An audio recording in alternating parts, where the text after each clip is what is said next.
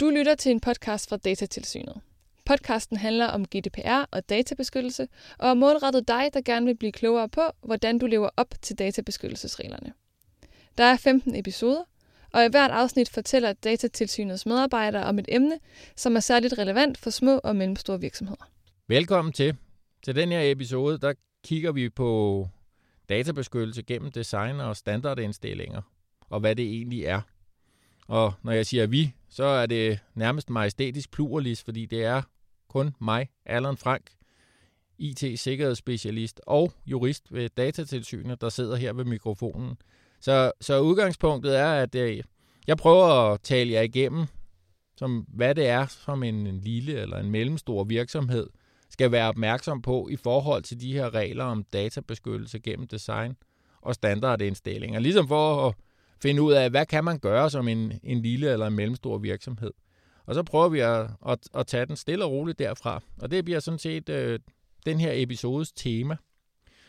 Det væsentlige i forhold til databeskyttelse gennem design, det er, at det er en disciplin, hvor man i sin IT-understøttelse, eller den måde, man driver sin virksomhed på, indbygger alle de beskyttelsesværn, som hele forordningen ligesom kunne tænke på.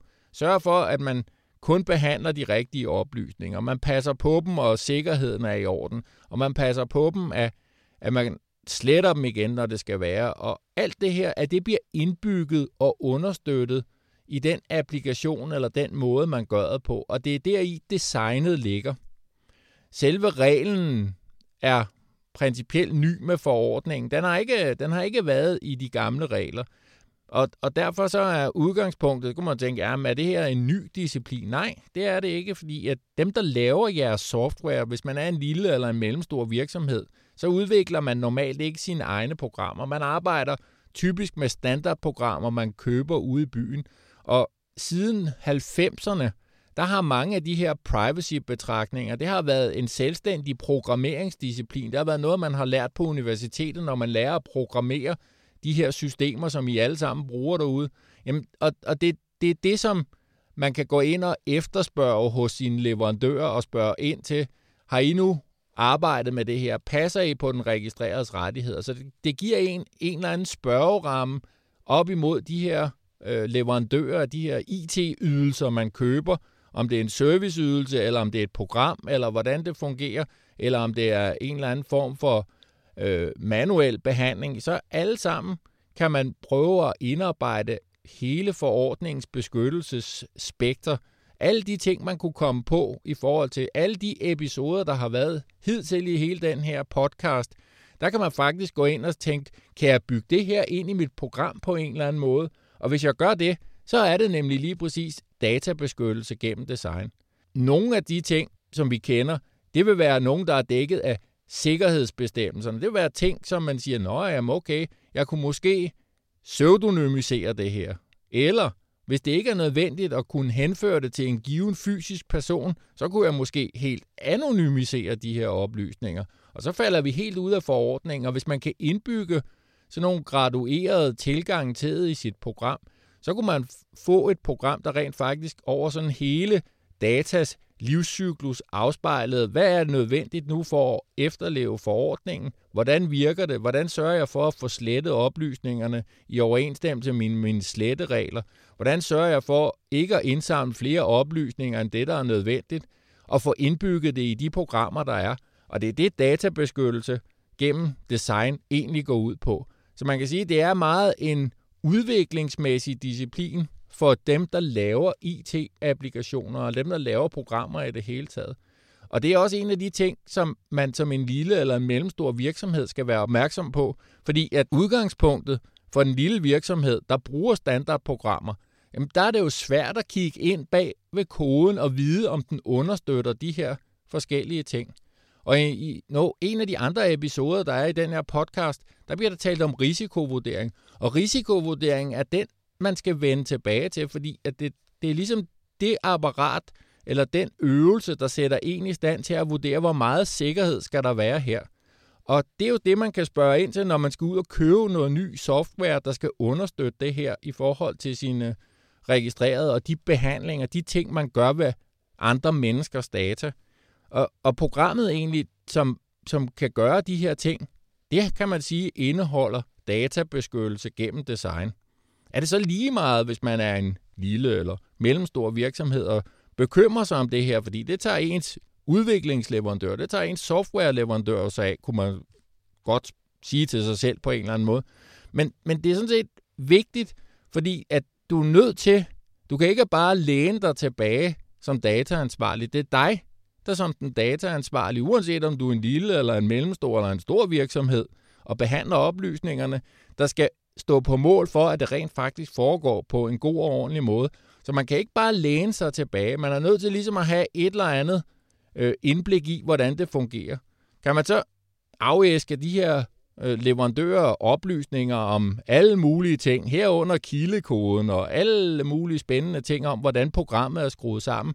Og det er måske også at gå lidt vidt i den anden retning, men man kunne måske som en lille eller mellemstor virksomhed, også uden det store besvær, godt lige have vurderet på forhånd, jamen det er de her oplysninger, jeg har, det er den her måde, jeg behandler dem på, og hvordan understøtter det her program nu, at jeg lever op til reglerne i hele forordningen. Så man kan sige, databeskyttelse gennem design samler op på alle de andre episoder, der har været her ved at sige, I skal huske på, at hvis I går ud og køber noget ny software efter den 25. maj, hvis I ændrer væsentligt i det, I allerede har efter den 25. maj 2018, jamen så skal man indbygge det her og tænke det ind i, og over for datatilsynet kunne dokumentere, at man rent faktisk har forsøgt på at få de her ting bygget ind i.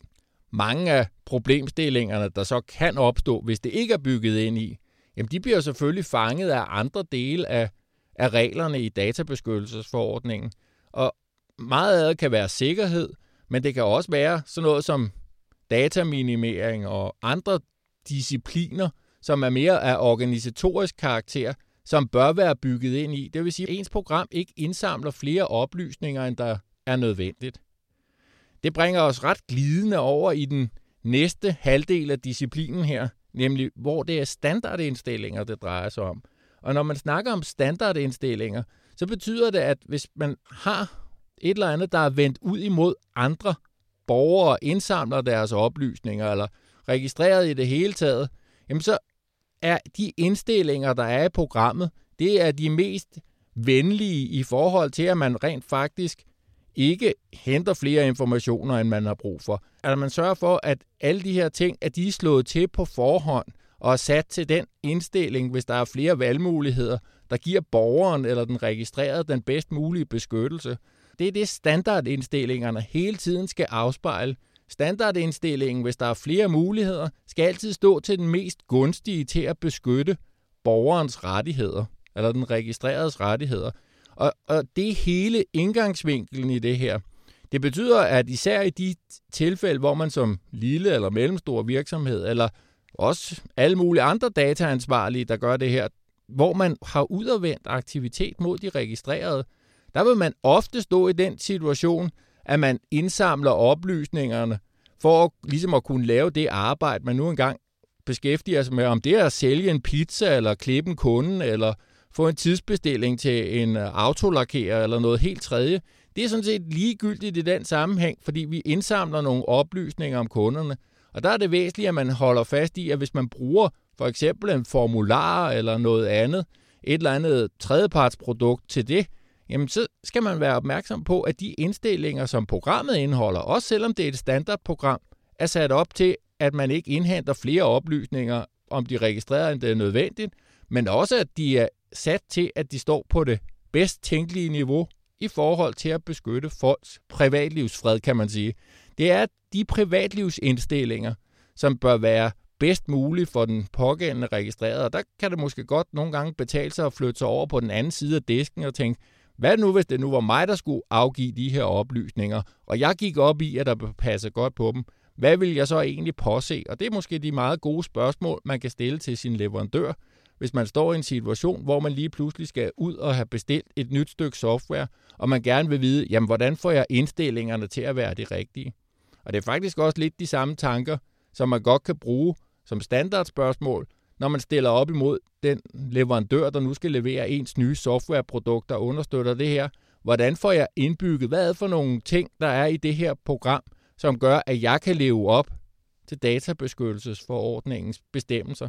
Og det er det databeskyttelse gennem design og standardindstillinger ligesom går ud på. Det var så alt for den her episode. Tak for i dag. Du har lyttet til en podcast fra Datatilsynet. Vil du have svar på flere spørgsmål om regler for databeskyttelse, så giv de andre episoder i serien et lyt, og besøg også gerne Datatilsynets hjemmeside, datatilsynet.dk. Denne podcast er støttet af EU-programmet for rettigheder, ligestilling og unionsborgerskab 2014-2020.